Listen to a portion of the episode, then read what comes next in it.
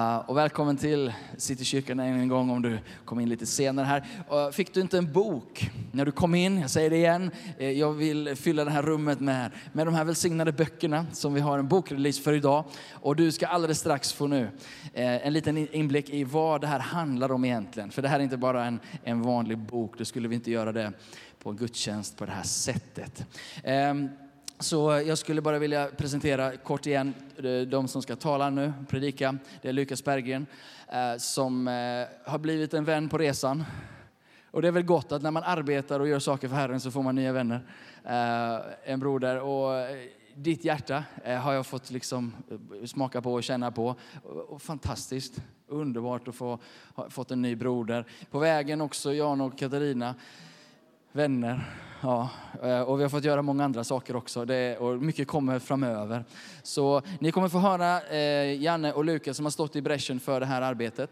Um, och till att börja med så ta väl emot Lukas Berggren, också chefdirektör på Bern idag, eller hur? Ja. En större applåd kan vi ge. Eh, men det är inte för att du är chefredaktör som du är här idag, utan det är för att predika Guds ord. Varsågod. Tack så mycket.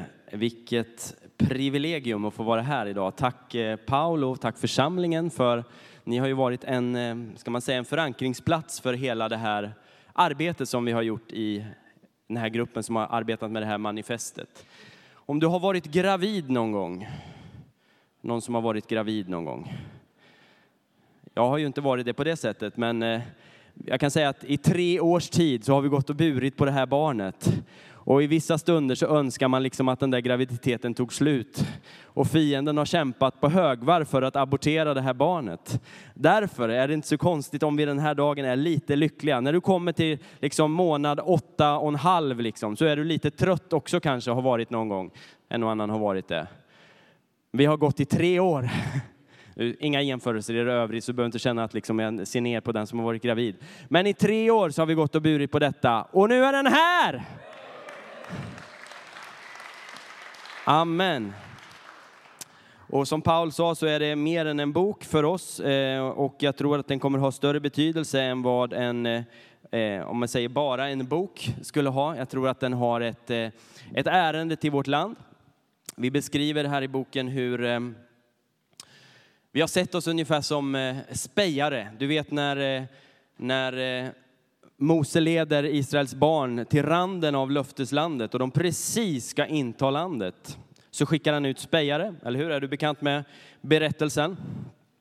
Och vad är det som eh, Gud ber om? Jo, han säger till Mose att se, skicka ut de här personerna och se efter hur landet är.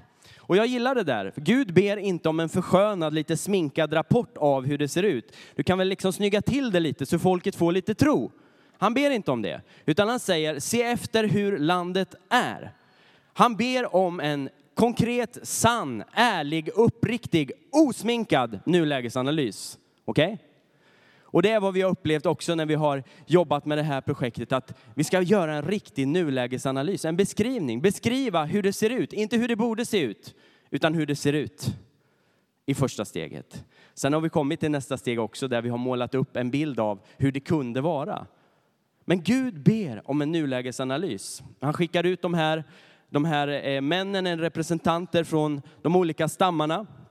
Och eh, du vet berättelsen, de kommer tillbaka.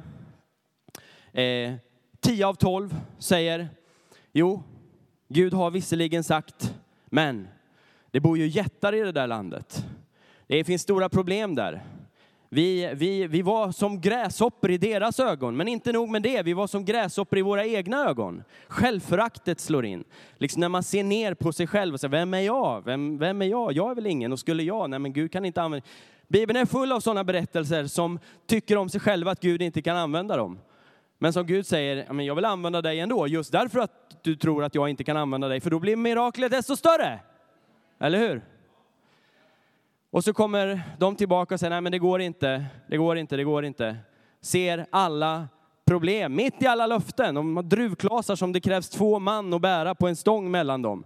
Jag vet inte vad du har för druvor här på i kvarteren här. Men det är en rejäl druvklase ska jag säga.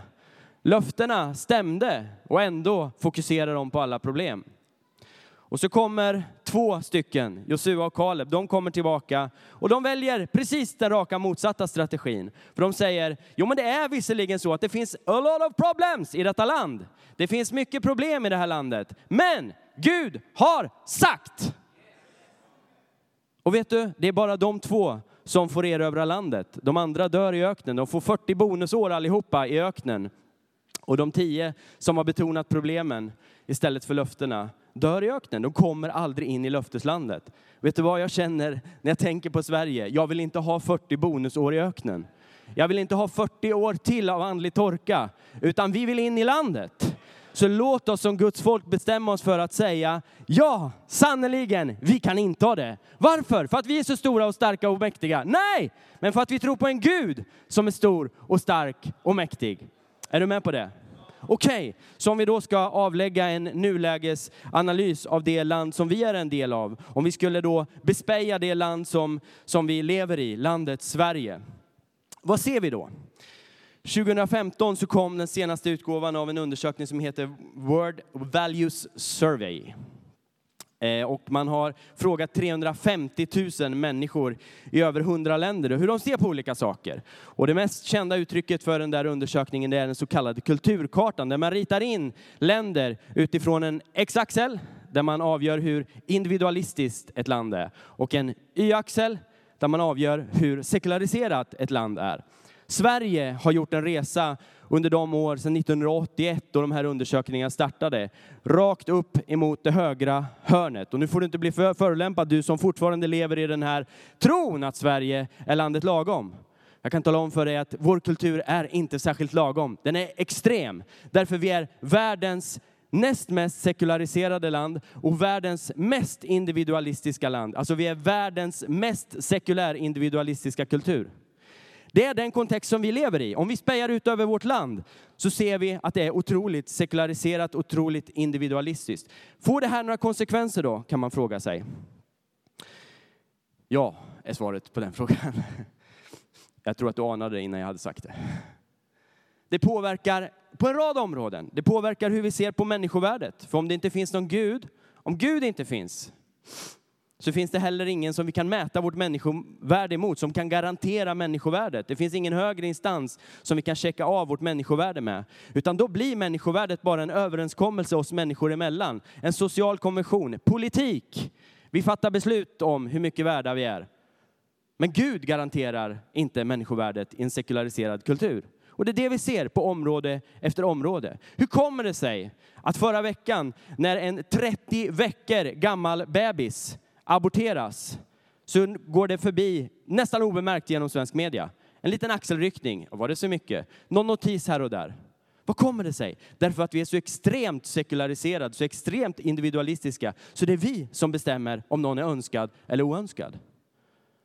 Sekulär individualismen påverkar människovärdet, påverkar vår syn på identitet, hur vi ser på oss själva, Mest tydligt blir det kanske inom om, området som rör kön och genus. Där vi, det är inte, vi är inte skapta till vissa kategorier, utan vi själva bestämmer. Jag bestämmer om jag är man eller om jag är kvinna. Det är ingen annan som bestämmer det. Facebook, rullgardinsmenyn, har 67 val vilket kön du är. Jag bestämmer. Det är inte Gud som bestämmer. Det finns ingen som bestämmer över mig. Jag tror inte på auktoriteter i en sekulariserad individualistisk kultur. Det påverkar vår syn på familj och äktenskap. I en kultur där autonomi beskrivs som det högsta goda, en genomindividualistisk kultur, då blir överlåtelse ett problem. Varför ska jag överlåta mig till en annan människa? Det begränsar mig. Det påverkar vår syn på svaga människor. För att vi tror att vi är i slutet. Om, om Gud inte har skapat människan så då är ju jag den, jag är ju den bästa varianten av människa som har kommit hittills. Varför ska jag lyssna på äldre? Varför ska jag ta, ta hand om dem som under miljontals år har sorterats bort? Det påverkar vår syn på sanning och rättssystem. Det är vi som bestämmer, så det är inte naturrätt, det vill säga att det som är rätt stiftar vi lagar om, utan det vi stiftar lagar om blir rätt. Jag kan gå igenom område efter område. Det är därför du måste läsa boken. För där definierar vi ett antal områden. Men på område efter område så slår den här sekulära individualismen igenom och påverkar hur vi tänker och förhåller oss till olika saker. Och den leder vårt land i fel riktning. Krockar fullständigt med det Jesus säger, det dubbla kärleksbudet. Att älska Gud och älska människor. Han talar om en korsets kultur. Du vet, korset det har en vertikal bjälke som talar om försoning mellan Gud och människa. Det är något annat än sekularisering och sekularism. Den har också en horisontell bjälke som talar om försoning människor emellan. Det är något annat än individualism. En korsets kultur är alternativet till, till eh, den sekulära individualismen. August Strindberg, på hans gravsten står det, var hälsad kors, du mitt enda hopp. Hoppet för Sverige, det enda hopp som finns för Sverige, det är korset. Vi har hoppet för Sverige. Du har hoppet för Sverige. Korset är hopp för Sverige. Jag älskar berättelsen om, eh, om Goliat och äktenskapsbryterskan i Bibeln. Har du läst den? Någon som har läst den? Ingen som har läst den. Det är bra, för den står inte i Bibeln. Jag tänkte bara kolla det lite där. Det är nämligen två helt olika berättelser. En handlar om David och Goliat och den andra handlar om Jesus och äktenskapsbryterskan. Men de har en sak gemensamt och det är stenkastning. Den här stenen tog jag med mig, jag var i Israel förra veckan. Den här stenen tog jag med mig från Sharaim. Det ligger ut med en stad som är utgrävd, som ligger ut med Eladalen, eller Terebintdalen, där David slog Goliat. Jag tänkte jag måste ju ta med mig en, en slät sten för att illustrera min poäng här idag. Så här har vi en slät sten från Sharaim, precis bara några hundra meter från där David slog Goliat. Det är väl häftigt? Men du vet, båda berättelserna handlar om stenkastning, men de handlar om stenkastning på olika sätt. I ena fallet så har du ett, vi börjar med berättelsen om äktens, Jesus och äktenskapsbryterskan, så har du ett gäng män som har tagit en kvinna som har begått äktenskapsbrott på bar gärning. Lagen är solklar, tydlig. Hon ska stenas. Det finns ingen utrymme för tolkning. Hon ska stenas. Egentligen borde mannen också stenas och varför de inte tog honom, det är en fråga som du kan fundera på. För han borde rimligen ha varit där om hon togs på bar gärning. Eh, men han var inte där. De släpper fram henne, kanske var hon ett lättare offer. De släpper fram henne framför Jesus. Och Jesus, och de tycker, vad säger du om det här? Lagen säger ju att hon ska stenas, vad säger du om det här? Och Jesus säger, han ritar först lite i sanden som du vet, och sen säger han, den av er som är utan synd, kasta första stenen. Och vad gör de? Och skamset så känner de liksom, men vänta, jag, jag har nog, jag bär nog, jag bär nog på synd. Jag är nog inte i position att döma den där människan. Så de släpper sina stenar och vandrar därifrån. Innebär det att Jesus negligerar synden? Nej, han säger, inte heller jag dömer dig. Gå nu och synda inte mer. Jesus negligerar inte synden, men han är inte sänd till världen för att döma den, utan för att upprätta den, för att frälsa den, för att frälsa den enskilda människan. Så de släpper sina stege, stenar. I andra tillfället så har du ett gäng män. Goliat har trätt fram morgon och kväll under 40 dagar och stått och hånat den levande Gudens här. Israels barn är skräckslagna. De står och skakar av rädsla. Och så kommer den där lille pojken som egentligen skulle vara och vakta sin pappas får i Betlehem. Men så kommer han, han var ju sänd bara för att leverera massäcken. Det var hans uppdrag. Och så kommer han och så säger han, vem är den där oomskurne filisten som står och hånar den levande Gudens här? Det vill säga han åberopar förbundet. Hej, det handlar inte om att han är tre meter lång. Det handlar om att vi har en Gud som är en bra bit längre, en bra bit större. Vem är du i förbund med? Vi är i förbund med den levande guden. Det gör all skillnad i världen. Så Goliat, istället för att ta ett steg bakåt som alla de andra och skaka av rädsla, så väljer han att plocka fem släta stenar. Och så tar han sin slunga, som han brukade, för han hade ju slagit lejon och björn tidigare. Han gjorde inget annat än han brukade. Han vägrade ta på sig Sauls rustning när de försökte få honom att strida på ett annat sätt. Det ska du också göra när folk försöker ta på sig på, försöker ta på dig sin rustning, människors rustning, för att strida på den här världens sätt. För vår kamp är inte mot kött och blod, utan den är mot andemakterna. Det är en andlig kamp som vi har att utkämpa. Vi strider inte mot människor, vi strider mot andemakter. Vi strider en andlig kamp. Så han tar sin sten och så lägger han den i slungan och så sänker han Goliat. Amen. I första fallet så har du ett gäng män som tar ett steg framåt med stenar i handen för att stena en människa som har misslyckats. Det fördömer Jesus. Det fördömer Jesus. I andra fallet har du ett gäng män som står inför en jätte, eller säg tankebyggnad om du ska överföra det till vårt språk. Och alla tar ett steg bakåt och skakar av rädsla. Och det fördömer Gud också. Han hyllar och hedrar den David som tar en sten och tar ett steg framåt och sänker Goliat. Jag tror att Gud söker ett folk i det här landet som väljer att ta ett steg bakåt och släppa sina stenar inför varje människa som har misslyckats. Men som väljer att ta ett steg framåt och fälla varje Goliat, varje tankebyggnad som reser sig upp emot kunskapen om Gud som det står. Där den sekulära individualismen, den egenkära gudlösheten, det blir lite mer konkret på det sättet. Den egenkära gudlösheten, när den reser sig upp, så är vi kallade att fälla den. Amen. Tack för det. Amen broder. Amen.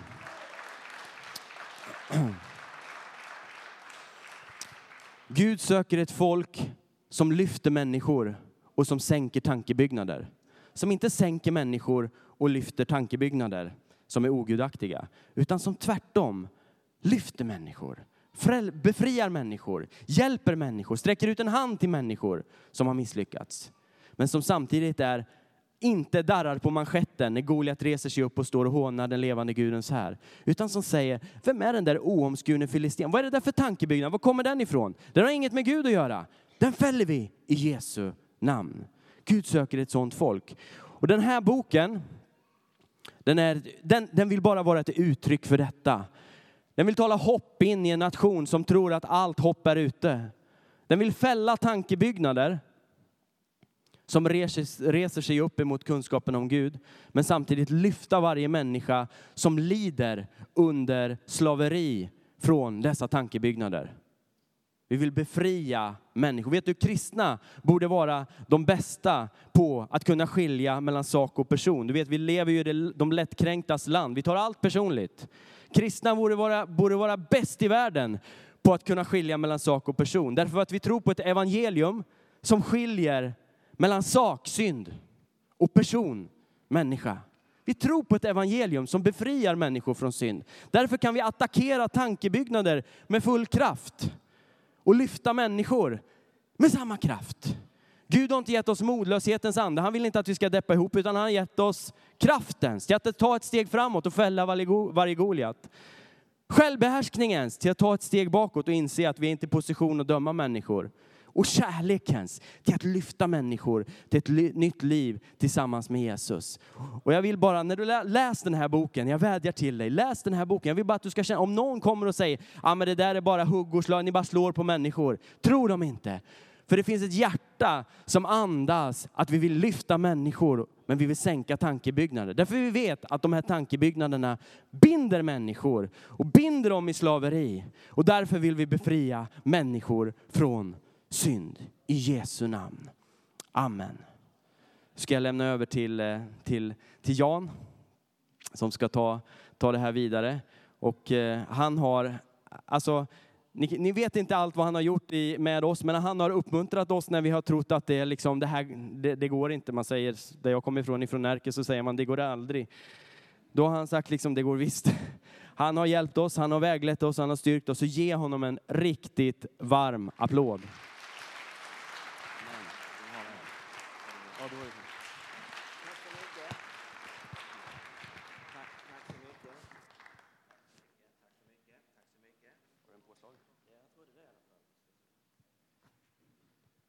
Tack för ett underbart ord eh, Lukas och eh, det är väldigt spännande att, att vara här.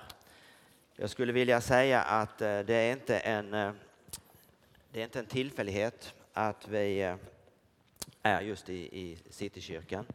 Det är väldigt viktigt att vi är här, för jag tror nämligen det är så här att vi eh, står på tröskeln till en ny tid. Jag tror att Gud söker ett folk som håller på att formera om sig till också, inte bara vara ett folk av alla dessa stammar, utan som formerar sig till att vara en armé i det folket.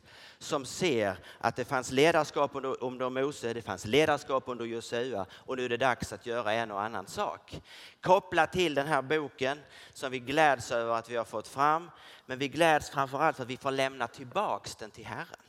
För det här handlar nämligen inte om oss. Det handlar om att, att Herren kallar dig och mig till att ställa sig i gapet för ett land, för en stad, för en församling, för en familj och vara just i gapet.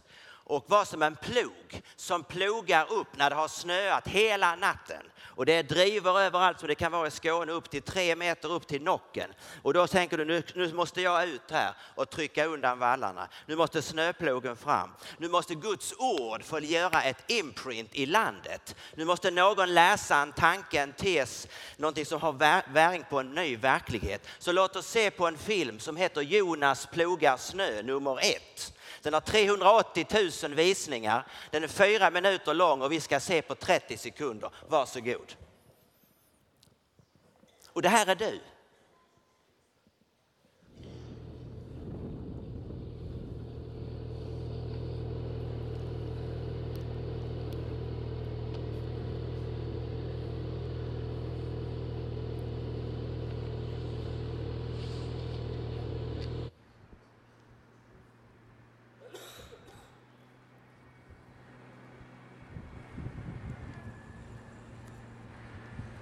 Det gör skillnad. Det gör ont att vara i fronten. Men det trycker ut vallarna. Och det har stor effekt.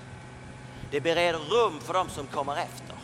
För om inte du går före, om inte vi går före så finns det ingen rum att bereda för de som kommer efter. Att trycka ut, att bereda rum, att ta sig fram. Och vi kan stanna där. Vi kunde sett på den. Ni kan titta på den när ni kommer hem. Det är fantastiskt spännande. Det finns nu 1, 2, 3, 4, 5 Eh, så att, och det är i den heliga andes kraft jag vill proklamera att detta är ditt uppdrag från denna stund. Att vara i fronten. Jag glömmer inte när vi hade den första konferensen här som Paul pratade om, eh, The Nordic Summit. Vi satt här och talade, ungefär alla vi som har varit med i projektet. Och helt plötsligt bara fick vi först att vi reser oss upp i enhet tillsammans, vi tar våra händer och så gick vi ner. Och det var bara så, jag kände, vad är det som händer nu? Och det ledde till att vi började träffas och bedja, söka stadens, landets bästa, olika frågeställningar, utmaningar i samhället. Och vi kom ner på golvet och vi tog emot folkets ovationer så att säga. För det känns som det var en andlig manifestation. Men grejen är den att det stannade inte här, utan nu kommer nästa del. Nu måste vi be oss att, tyvärr, jag måste fram här, ursäkta. Vi måste fram här va. Och det gör att vi kan inte stoppas, utan vi tar oss fram tillsammans med Herren. Och det är en helt annan sak. Det är en helt annan sak. Det är ett helt annan sak från, från och med den tid vi går in i. Det är därför så är det underbart att veta att det är Johannes döparens dag idag som skulle sända Elias ande, som handlar om att, att konfrontera orättfärd och rättfärdighet, ljus och mörker. Och vi ska läsa här i Malaki, för det har stor bäring på den här dagen, stor bäring på den här församlingen stor bäring på den här boken i Malaki 3 och 16. Men därunder har också de som fruktar Herren talat med varandra och Herren har lyssnat på dem och hört dem och en minnesbok har blivit skriven. Inför hans ansikte till påminnelse om dessa som fruktar Herren och tänker på hans namn. Och dessa säger Herren Sebaot, ska jag, ska jag ha som min egendom på den dag jag utför mitt verk. Och jag ska skona dem som skona, som skona, och jag ska skona dem som en fader skonar sin son som tjänar honom. Och ni ska åter få se vilken skillnad det är mellan den rättfärdige och orättfärdige. Mellan den som tjänar Gud och den som tjänar honom. Jag gratulerar församlingen Citykyrkan, City i mitten. Till att återigen, and again, säger den engelska and again there will be a difference. När man öppnar upp för ett nytt flöde i en ny tid, i en ny fråga, där Herren ger ett bifall till en ny rörelse som är fött i bön för lång, lång tid sedan. Vi pratar inte om tre år sedan, vi pratar om 30, 40 år sedan. Och Herren igen säger att det ska bli en skillnad när ni öppnar dörren för att stå i ledningen för en ny process. Det står vidare, Herrens dag kommer, men för er som fruktar mitt namn skall rättfärdighetens sol, och då har det sagts oss att de som Ja. Se, Herrens dag kommer och den ska brinna som en ugn. Då ska alla fräcka människor, alla som gör vad ogudaktigt där, bli lika strå. Och dagen, den som kommer, ska förbränna dem, sa Herren, så att varken rot eller krona lämnas kvar. Men för er som fruktar mitt namn ska rättfärdighetens sol gå upp med läkedom under sina vingar. Då ska ni släppa, slippa ut och hoppa som kalvar instängda i stallet. Vi behöver vänner en ny hoppväckelse. En fullständigt galet vild hoppväckelse som väcker just hopp för Sverige, för nationen, för familjer, för församlingar, för att röra sig framåt med en annan spänst i stegen. Att, att man kan säga att människor är idag overmanaged but underled. Det är dags att börja leda och sluta kontrollera och styra och ställa. Det är dags att få de svenska konferenserna runt i Sverige, de kristna, inte till att bli ett mini-Almedalen, utan till att bli en helig plats för lovsång och tillbede i Jesu namn. Det duger inte längre att spela lovsång en, en kvart och sen göra andra saker som handlar mer om politiskt tingeltangel. Med frågeställningar som är så extremt sekulära så Gud gråter varje gång man kallar samman folket. Tiden har kommit att ha en annan synpunkt i de stora frågorna som Lukas pratade om. Identitet, migration, sexualitet, globalt samhälle, undervisning, nästa generation etc. etc. Så här kommer vi att röra oss framåt. Jag skulle vilja säga att vi kan göra detta för vi har ett syfte som är att Jesus har vunnit seger. Vi är inte ute efter någon människa, vi är inte ute efter att kränka någon. Vi säger, vi, den här boken är det bästa som har hänt mångfalden Sverige de sista fem åren. För vi har en enkel ödmjuk tanke. Att vi vill också vara med att samtala om hur vi ser på landet, ekonomi, finans, arbete, att tjäna Gud i arbetslivet. Att ha Guds ja i utbildning, är Guds ja till de stora frågorna som, som, som föder fram entreprenörskap, som skapar välstånd. Familjer som är serviceproducenter, inte servicekonsumenter. Där det offentliga samhället ska sköta om allt. Vi, har, vi vill vara med och ha en synpunkt. Varför kan vi vara det? För att vi tror nämligen att Jesus Kristus har vunnit. Och vi spelar våra matcher, våra diskussioner. Vi, kan, vi spelar som Hans Weissbrot brukar säga, vi spelar alla våra matcher på bortaplan. Det är inte jättemycket jubel alltid på läktaren. Men vi ska veta då att Jesus vann. Han vann fotbolls-VM även 2018. Även om inte vi vann matchen igår kväll. Vilket är djupt tragiskt. För jag tror det är nämligen precis som det var på tyskarna. Fienden har en man kort. Men vi spelar fortfarande som om de hade tre mer och sa ja, men vi kan väl vara här borta i hörnan. Va? Vi passar lite här mellan oss och vi hoppas att de, vi försvarar oss. Istället för att springa fram och sätta den. Va? Det ligger, det ligger 17 bollar på straffpunkten och Guds folk är borta i hörnan och det är ingen vid boll. Och Herren säger gör mål, gör mål, gör mål, gör mål i Jesu namn. Tiden har kommit att börja göra mål. Det är inte förbjudet att vara offensiv, att spela bollen framåt, att tala om, att komma ut, att vara en enkel broder, syster, ung, gammal, oavsett profession, att vara en kristen. Det är inte förbjudet längre. Det är ett gott budskap. Vi är stolta över vår tro. Vi är inte, vi är inte kaxiga. Vi vill inte försöka peka finger, för vi inser att vi sitter i den här, vi sitter i den här båten, vi tittar i kikaren, vad ser vi? Vi ser ett isberg. Titanic. Vi säger vi sväng lite här, sväng lite, sväng lite. Jag tror att vi ska svänga. Jag tror vi kommer att svänga. Det handlar om upprättelse. Det handlar om möjligheter. Och jag tror att det som händer just nu i den här nya tiden är att eh, eh, Jesajas ande, eh, Elias ande, förlåt, den som har separationens gåva. och skilja mellan det ena och det andra. Det handlar å ena sidan om hopp, nåd, upprättelse, enhet, gudsfruktan kan man säga. Gudsfruktan. Gudsfruktan. Å andra sidan handlar det om dom, separation, hämnd och avfall. En nådens år och en hämndens dag från vår Gud. Det sker samtidigt. Det sker samtidigt, det sker nu.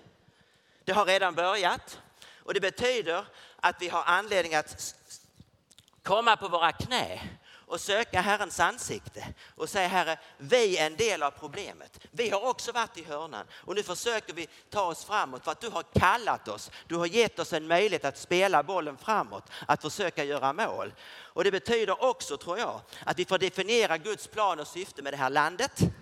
Vi får definiera Guds ja inom olika områden. Vi får återuppta förbundsrelationen med Israel. Det är helt nödvändigt. Det duger inte att man säger i olika städer eller församlingar, här, här får du inte visa en israelisk flagga. Här nämner du inte ordet Israel. Jag vill bara säga, Herren kommer att stänga den verksamheten som inte accepterar Israels flagga eller namnet Israel. It's too late. It's too late. Så om vi rör oss i den här, i den här i riktningen och proklamerar frihet så kan man säga att precis som Elisa så. Eh, inte Elisa, men, men Esra som började undervisa om hur man skulle bygga murar. Och det, det, det handlade om att de, de, nationella murarna, gränserna, det handlar om de moraliska värdena. Det handlar om att be om, om ursäkt för att vi hade, man hade syndat. Precis som Daniel, vi och alla, vi har syndat. Det är vad vi säger. Vi har syndat. Vi omvänder oss genom att skriva den här boken och säga, ge oss en andra chans. Ge oss en andra chans att svänga på det här, Herre. När vi står på däcket och vi ser någonting i kikaren och vi säger, ja vi ska inta landet. Det är fullt möjligt. Det ser positivt ut. Det ser ut som vi skulle kunna gå in där och få äta och smätta.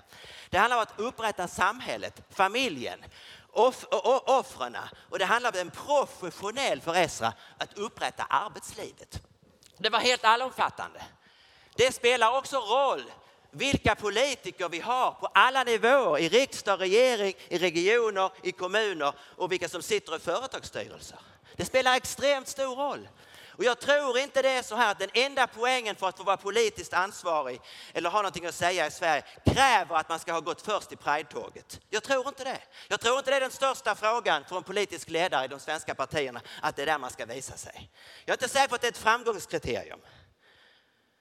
Och vi försöker inte vara politiska, vi försöker vara bibliska. Bibliska, det är viktigt. Och Herren gillar vissa saker, han ogillar andra saker. Men Herren älskar alla människor. Det är väldigt klart. Därför älskar vi dem lika mycket som Herren gör.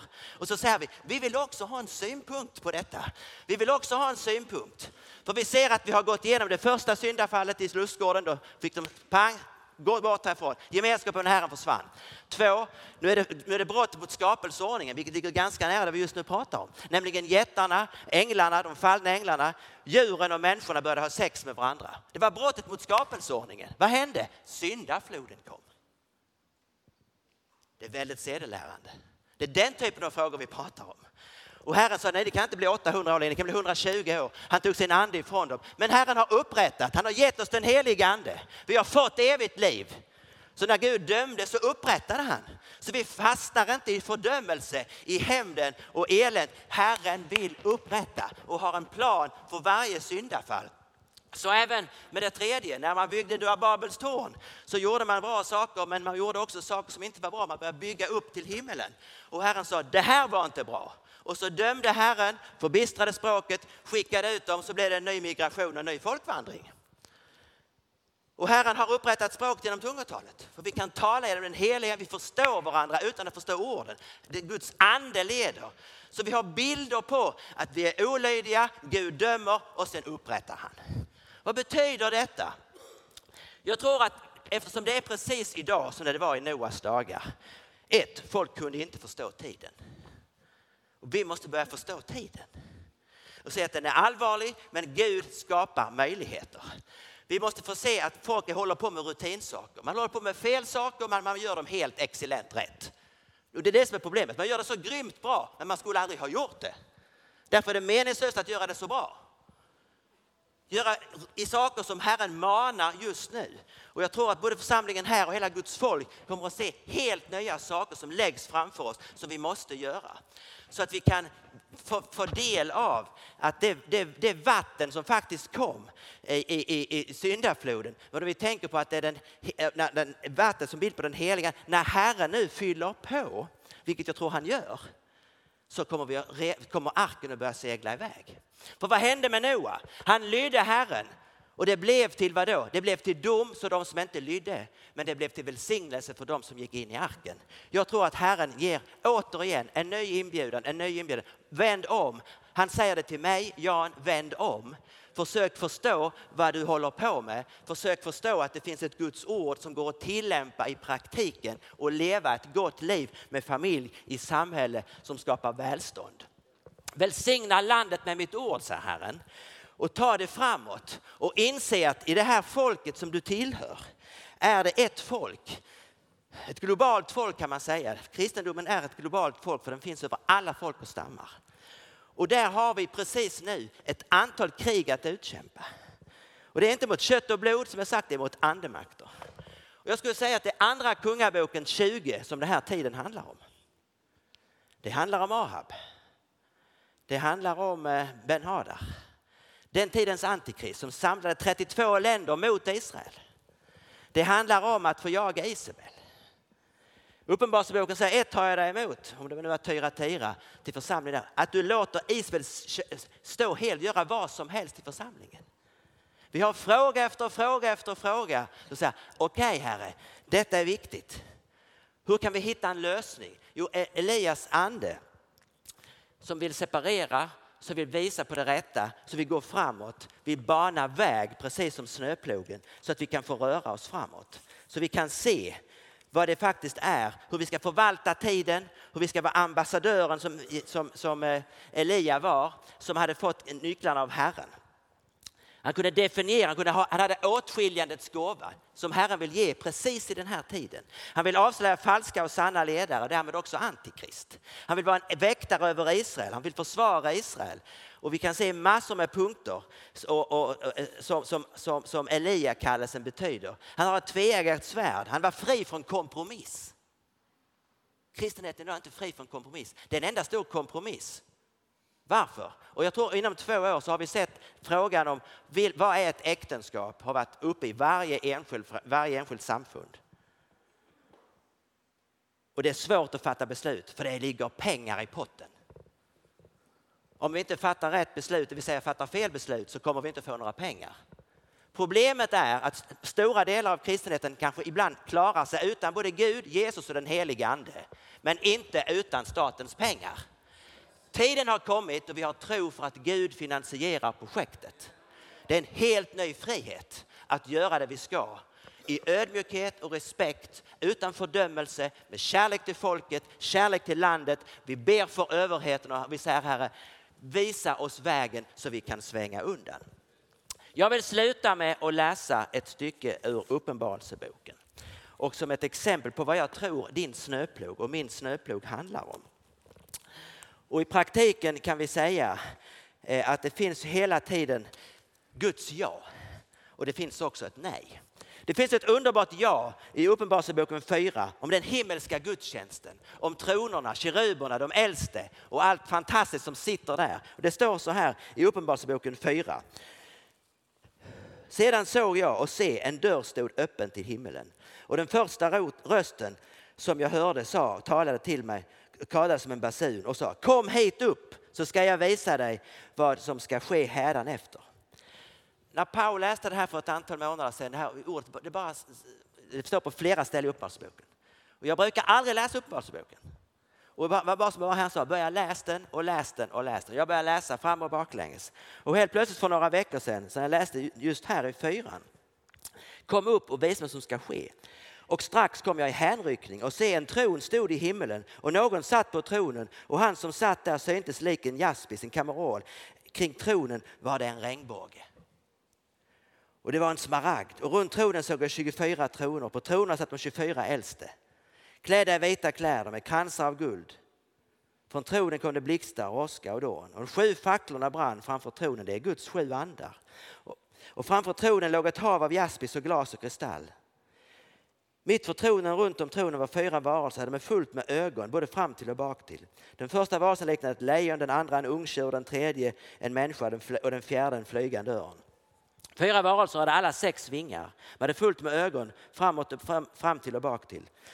Utan att vila, vila säger det och säger helig, helig, heliga Herren Gud, allsmäktig, härskaren, han som var och är och ska komma. Och dessa varelser hyllar och ärar Herren. När jag läste detta så var det som bara Herren helt plötsligt bara slog ner i mitt sinne och sa, var på din vakt, var ni på er vakt? Ni skriver det här manifestet. För det som sker när vi riktar oss till Herren, säger, ja Gud, vi vill se din härlighetstron, vi vill se ditt ja manifesteras här. Det var det som Gud sa, det byggs också en annan tron, men den byggs inte i himlen, den byggs på jorden. Och den regnbågen runt den tronen, den har inte sju färger, den har bara sex. Det är en helt annan världsbild. Det är en helt annan andemakt. Det är en helt annan sak att relatera till den på jord, i jorden eller den här med sju i himmelen. Vidare så kan man säga att det kommer de här sju, de sju andarna. Och de sju andarna handlar om eh, mods ande, vishets och insikts ande, kunskaps och krafts ande och gudsfruktans ande. Den, den ande som byggs på jorden det heter kunskapssamhället som är totalt ibland avsaknad av visdom. För vi har inte förstått eh, vad Guds visdom är mitt i all kunskapen. Så det finns två helt olika syn på vad som faktiskt måste ske här och nu och vi tillämpar biblisk förståelse i praktisk tillämpning som nummer två. Nummer tre, guldet, guldet vid tronen. Gud har pengar i ära och överflöd. Allt är finansierat. Vi behöver inte söka varken statsbidrag eller andra saker för att få till detta här. Det kommer att lösa sig. Det finns försoning i detta. Allt silvret, allt guldet är mitt, säger Herren. Alltså är det löst. Vidare så kan vi läsa här att vi har, eh, vi har eh, de 24 äldste. Och det är såklart att det finns en ambition att styra och leda den här världen i en helt annan riktning än vad de 24 äldste gör. Det är två helt olika makter vi pratar om. Låt oss tillbe Jesus Kristus. Och, och, den, stod, den, den, den, den, den bildstod och den, den, den härlighet som finns i himlen. Istället för att vara PK, det vill säga politiskt korrekt att försöka bygga något på jorden som är riktigt dåligt. Så jag skulle vilja säga från och med idag så betyder PK prisa Kristus. Vi prisar Kristus för allt vi har gjort och han har gjort och vi säger Herre, du är, vi prisar Kristus. Vi vill vara PK. Vi vill visa på att det finns en verklighet här och nu. Vidare så finns det här ett golv av kristall du vet, ett genomskinlighet. Jag skulle säga att Herren talade om den, den, den, totala globala digitala transparensen. Ett metoo där alla hängs ut och, och lyfts fram och utan som helst rättegång döms fullständigt upp och ner och vissa till och med går sen och tar livet av sig för tidningarna har varit så brutala. Varför? Det fanns inte nåd. Det fanns bara sanning och sanningen var kanske inte ens sann. Jesus vill ge nåd och sanning. Jesus talar sanning i kärlek till sitt folk och därför är det gott att höra på det. Så vi behöver inte fler transparenta metoo som i sig är såklart en tragik utan dess like där den manliga delen av mänskligheten måste be om ursäkt för allt som har gjorts och starta en försoning, för starta en upprättelse så vi slipper gå in i ett könskrig i nästa, i nästa eh, eh, fas. Det är fullt möjligt. Herren vill upprätta detta totalt. Stå tillsammans som man och hustru, komplementera. Slutligen kan man säga att det fanns massa vingar, det går snabbt. Vi har ett accelererande samhälle, ett digitaliserat samhälle som gör att allt går supersnabbt. Men vad fanns det mer på vingarna? Det fanns ögon överallt. Det bevisar att Gud ser allt, det allseende ögat som vissa har plockat upp, till exempel frimurarna. Men, det finns, men Herren ser allt, underbart. I Kina gjorde man nyligen en, en, en, en kontroll i 59 städer, 50, eh, en, förlåt, 19 regioner, 58 miljoner människor var ansiktsigenkända på några sekunder. Det är skillnad mellan att vara igenkänd av en kamera i Peking eller att vara känd av Gud. Det är en väldig skillnad. Face recognition, vet ni vad det är? Och lärjungarna såg upp när de var ute på vattnet, Petrus, och så såg de upp och då såg de bara Jesus. Det är ansikts, ansiktsigenkänning. Med märket på pannan, Guds märke på pannan. Det är en helt annan sak. Men i vårt samhälle så finns det, ett, finns det en och annan kamera som har ett och annat öga också. Som talar om och vill kolla upp vad som händer. Och det senaste i Kina är att myndigheterna vill ratea hela befolkningen så att man, man lyssnar på allt som sker. Och det gör att om jag träffar dig och du skulle inte vara en schysst gubbe så då får jag en sämre social rating. Om jag umgås med en som dricker sprit eller som skriker högt på torget, då får jag en lägre social rating. Och det vet myndigheterna. Vad betyder detta? Total censur, självkontroll, tystnad, själv, självcensur. Vi behöver frihet. Gud vill ge oss frihet. Så min poäng är den här, att om vi kommer inför Guds ansikte och får uppleva helt enkelt hans frihet i den här tiden. Att vi får lyfta fram hans ja och hans poänger med det som Bibeln säger som går att tillämpa idag så blir det en totalt annan resa. Det vill säga vi kan bana väg för väckelse. Vi kan få bana väg för ett annat land, ett annat Sverige. Vi kan få bana väg för en församling som reser sig upp i enhet, i glädje och börjar lovprisa. För jag tror när lovprisningen kommer samman, då är det det som är den bästa bilden på plogen. Det är lovsången som går främst. Och så kör vi framåt för det är Herren som för oss, som knuffar oss framåt och ber oss att gå vidare och, och starta en rörelse, en, en folkrörelse, en arbetarrörelse eller en gräsrotsrörelse där alla är en del i en reformation. Som var och en gör sitt, som samlas och skriver sin minnesbok om framtidens sjukvård, framtidens socialvård, framtidens ekonomi, strategi, digitalisering, lärarroll eller vad det nu är. Och förfinner man ut har Herren tänkt på detta? Oj, hade han det? Hade han tänkt om jordbruk också? Hjälp! Och detta och detta och detta och detta. Ja, det hade han. Alltså kan vi säga att vi kan få bli, komma till en nivå av relevans som Guds folk. Ödmjuka, intellektuellt hederliga, som en del i en mångfaldsprocess och citera författaren till Voltaires bok, jag tror hon heter Graham, Martha eller Graham, som skrev så här att Voltaire säger ofta, jag avskyr vad du säger, men jag är beredd att ge mitt liv för att du ska ha rätt att få säga det. Det är inte riktigt Sverige idag. Det är bättre att säga, säg det inte om du säger det är jag beredd att se till att ta ditt liv för att du aldrig mer ska få säga det. Det är ett annat samhälle. Det är inte ett gudfruktigt samhälle. Det är inte ett öppet samhälle. Det är inte ett demokratiskt samhälle byggt på sunda värden där människan har ett okränkbart värde. Där det finns rätten att tala, uppleva och finnas. Med dessa ord skulle jag vilja säga att framtiden är underbar. Herren har kontroll. Och vi erbjuds att få följa efter, för alla inser väl att det är Gud själv som är spetsen. Att vi får följa efter honom i den här den vägen som nu banas. Så jag säger bara tack Jesus att vi tillsammans får lov att gå i ditt segertåg. Amen.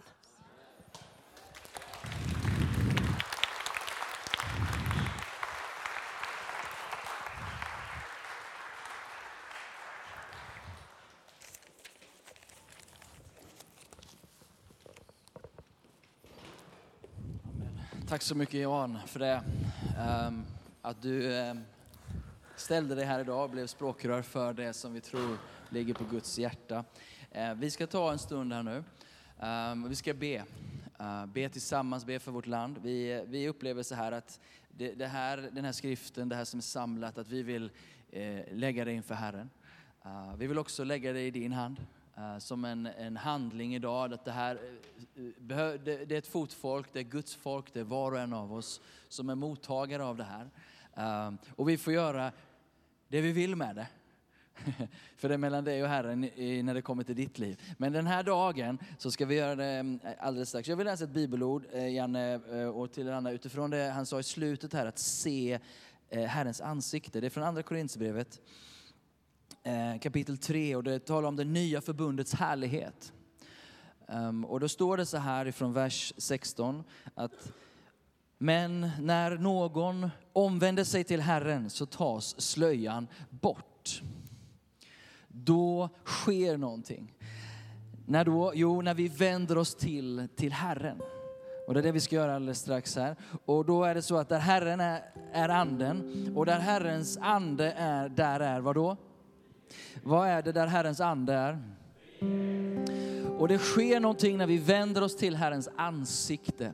Att få skåda. Eh, själva ordet person har ju med ansikte att göra. Att vara vän till någon. Det ligger i identitet, människans identitet. Att vara vänd mot någon, att vara person, är att se någons ansikte. Och alla vi som är obeslöjat ansikte ser Herrens ansikte, ser Herrens härlighet. Som i en spegel, vad sker då? Då sker en förvandling. Av det som har varit befläckat, skört, trasigt börjar ske en inre förvandling upprättelse från Herrens ansikte. Och vi formas och förvandlas till vad då? Jo, samma bild till Kristuslikhet. Hur sker detta? Jo, från härlighet till härlighet, en pågående process och det sker genom Herrens ande. Herrens ande här idag. Och vi ska vända vårt ansikte till honom nu. Och eh, vi ska göra det på det här sättet. Jag skulle vilja bjuda fram eh, ni som är här idag som har varit med i eh, processen har tagit fram eh, den här boken. Skulle jag kunna få, få dela er gemenskap på scenen här? Välkommen fram, ni som har varit med. Och om ni vill ställa er bakom mig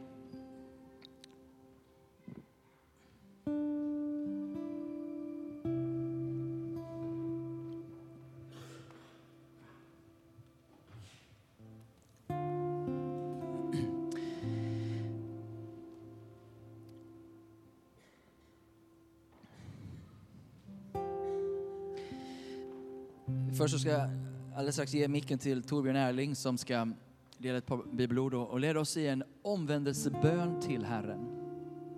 Eh, sen ska Gunnar ta över här och vi ska få be tillsammans eh, och lyfta det här budskapet inför Herren, vårt land eh, och det vi tror Gud talar om. Det finns någonting som har märkt mig i min berättelse, eller min gemenskap med den här brodern. Ehm, Sen jag mötte, mötte dig och, och, resan. Och det är att en sån medvetenhet om att göra saker inför Herrens ansikte. Att vandra inför hans närvaro. Inte bara i kyrkan, eller, utan när man äter, när man vandrar, när man gör. Och, och det, har märkt, det har märkt mig att vara medveten om hans ansikte som är vänt till oss. Jag vill bara påminna dig om det, den här stunden är inför Herrens ansikte. Det är vi tillsammans men också du och Herren. Den här stunden. Torbjörn. Varsågod.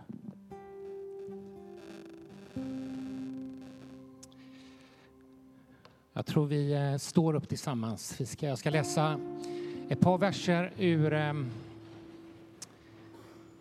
Lukas evangelium som eh, läses över hela vårt land idag i alla kyrkor på Johannes döparens dag. Lukas första kapitel och den sjuttonde versen. Det handlar om Johannes döparen. Och han ska gå framför honom i Elias ande och kraft för att vända fädernas hjärtan till barnen och omvända de olydiga till ett rättfärdigt sinnelag och så skaffa åt Herren ett folk som är berett. Ifrån det tredje kapitlet. En röst ropar i öknen. Bana väg för Herren, gör stigarna raka för honom. Alla dalar ska fyllas och alla berg och höjder sänkas. Krokiga stigar ska, jämnas, ska rätas och ojämna vägar jämnas. Och alla människor ska se Guds frälsning. Så vi tackar dig Herre för att vi får stå här i, i, eh, vårt, i vår huvudstad i Sverige idag Herre, som representanter för ditt folk. Vi tackar dig för, för ditt folk som samlas över hela vårt land idag Herre för att lyssna till detta ord. Och vi tackar dig Herre för att du vill bana väg för dig Jesus, att du ska komma tillbaka och möta oss i Sverige. Vi tackar att vi får bereda vägen, att vi får bana väg för dig Jesus genom att vända om Precis som det här ordet säger, Herre. Tack för ditt löfte, Gud, att, att om ditt folk som är uppkallat efter ditt namn ödmjukar sig och ber och vänder om från sina onda vägar, Herre, så har du lovat att komma med läkedom till vårt land, Herre, läkedom till Sverige. Så vi vill säga, Herre, som Daniel, vi har syndat, Herre. Förlåt oss. Förlåt oss, Herre, för, för allt det orätta vi har gjort, Herre, för vår passivitet, Herre, för vår, vår otro. Förlåt oss Herre för också det som Lukas talar om Herre, vårt självförakt. Vi har sett ner på oss själva här och sagt, nej men inte, det handlar inte om mig, andra kan göra det Herre. Vi, vi ber förlåt oss Herre, rena oss. Gud, vi tackar dig här att vi får bekänna vår synd, som du har sagt Jesus, att vi ska be, förlåt oss våra synder.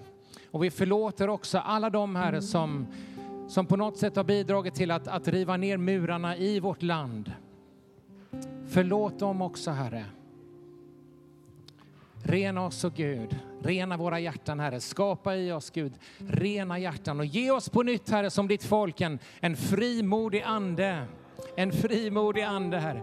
Vi tackar dig för att du har sagt att om vi bekänner vår synd så är du trofast, du är rättfärdig, så att du förlåter oss all vår synd och renar oss, Herre, från all orättfärdighet. Vi tackar dig, Herre, för dina underbara löften. Tack för en våg av, av omvändelse här, av bön, av upprättelse för vårt land Sverige. Vi välsignar Sverige denna dag ifrån Stockholm i Jesu välsignade namn. Och allt folket sa Amen.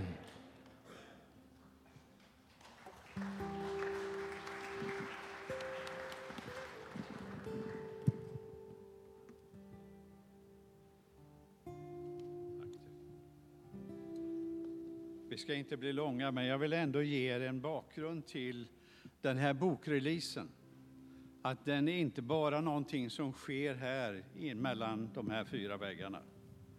Faktum är att nu när vi träffas inför Herrens ansikte så är det faktiskt så att 500 böcker, 502 böcker för att vara exakt, har redan nått ett mål av dem är det 156 pastorer över hela Sverige som har fått boken.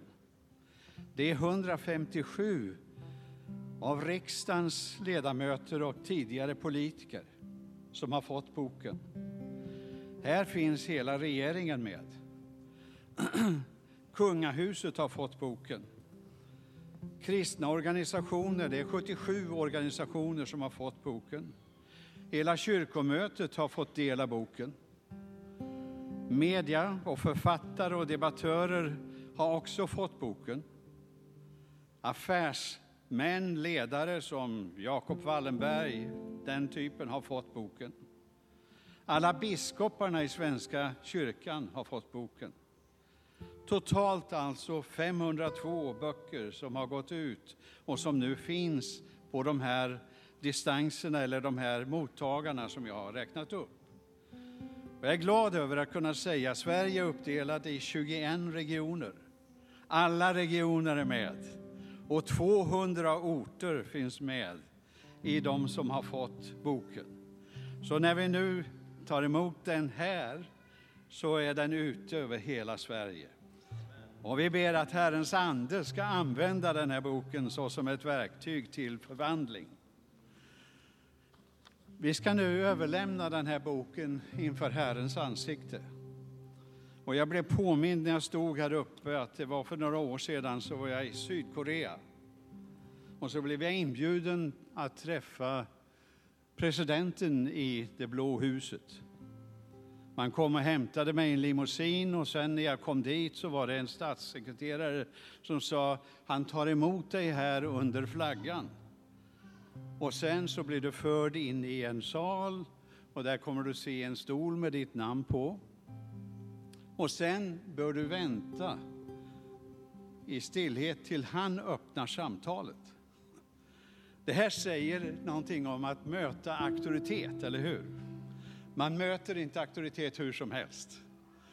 Nu står vi inför Guds ansikte och jag ska i bön överlämna den här boken åt Herren. Så jag vill be tillsammans med er nu i Jesu namn. Herre, Vi kommer inför dig i en ödmjuk bön om förlåtelse. För vi alla är delaktiga i den upplösning av normer och värderingar som vi iakttar runt omkring oss. Herre, förlåt oss våra skulder. Vi förlåter dem som i blindhet och reformiver har fört vårt samhälle in i svåra moralisk, den svåra moraliska och etiska kris som vi befinner oss i. Och vi ber om förbarmande och upprättelse i Jesu namn. Vi tackar dig för att du genom Jesus Kristus har frälst oss från mörkrets välde och införsatt oss i din älskade Sons rike.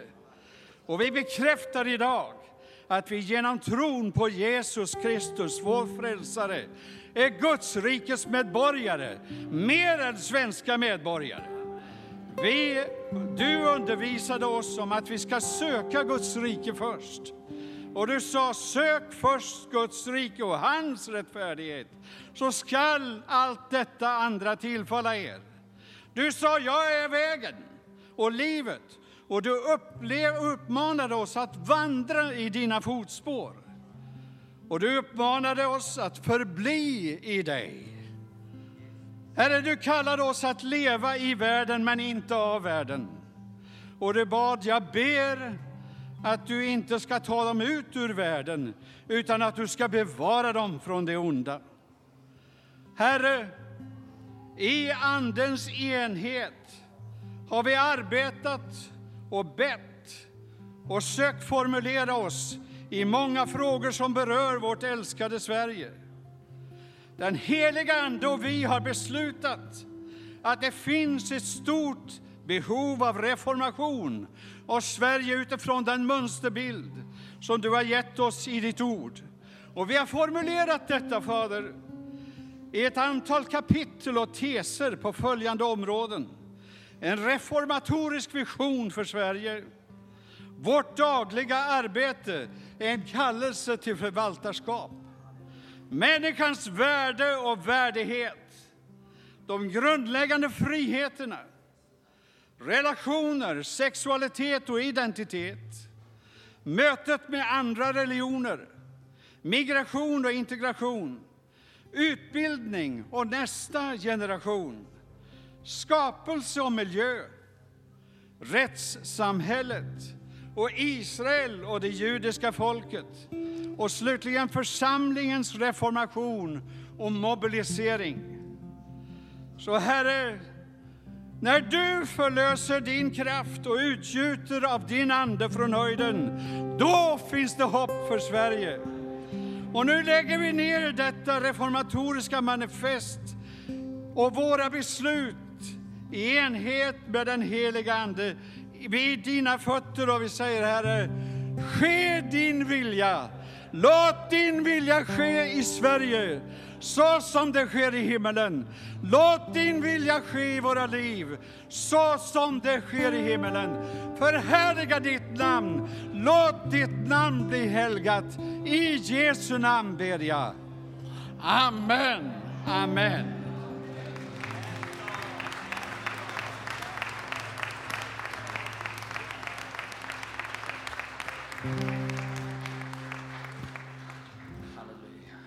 Underbart. Låt oss sjunga tillsammans men vi står här. Vi ska fortsätta att be.